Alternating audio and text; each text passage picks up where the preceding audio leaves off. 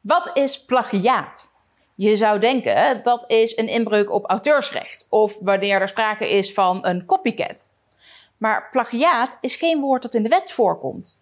We gebruiken dat woord dus heel anders dan als we het in juridische zin gebruiken.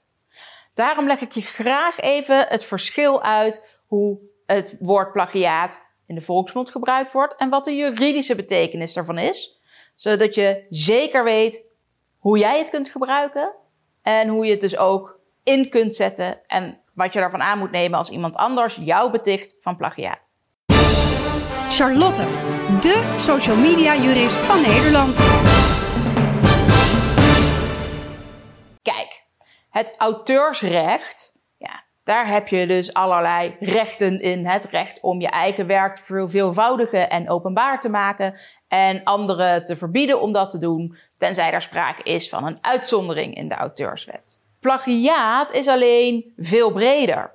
Sterker nog, er is wel een keer sprake geweest van zogenaamd zelfplagiaat, omdat in de wetenschap het gebruikelijk is dat als je ook jezelf citeert of een eigen eerdere publicatie aanhaalt, dat je dat dan ook vermeldt. Als je dus niet je eigen eerdere publicatie of je eigen eerdere onderzoek vermeldt in je nieuwe publicatie, dan noemen ze dat zelfplagiaat.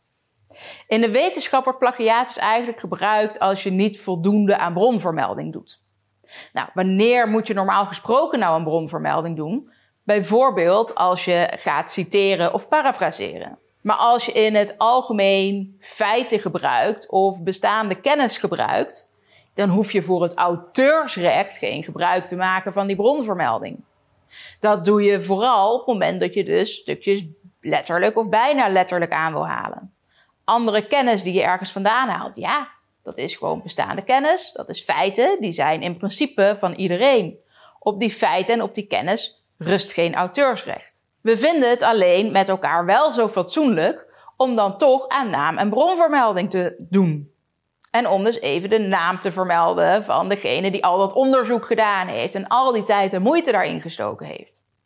Daarom noemen we het in de volksmond plagiaat, maar is het juridisch geen inbreuk op auteursrecht. Dat betekent dus ook dat plagiaat in principe niet te handhaven is. Er is namelijk geen juridische grond op basis waarvan je zou kunnen zeggen dat het niet zou mogen. Nou, je moet plagiaat dus ook meer zien als wat we ook wel eens de copycats noemen. En mensen die iets doen wat heel vervelend is, wat heel erg in de buurt komt misschien van een inbreuk op auteursrecht, maar het dat toch niet is.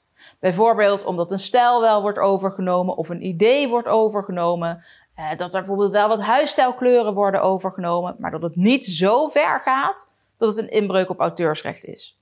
Ook dat noemen we dan wel eens plagiaat, maar valt dus niet te handhaven. Probeer dus goed dat onderscheid te blijven zien van wat is een inbreuk op auteursrecht en kun je wel handhaven en wanneer noemen we het plagiaat, maar is het geen inbreuk en kun je het dus niet handhaven.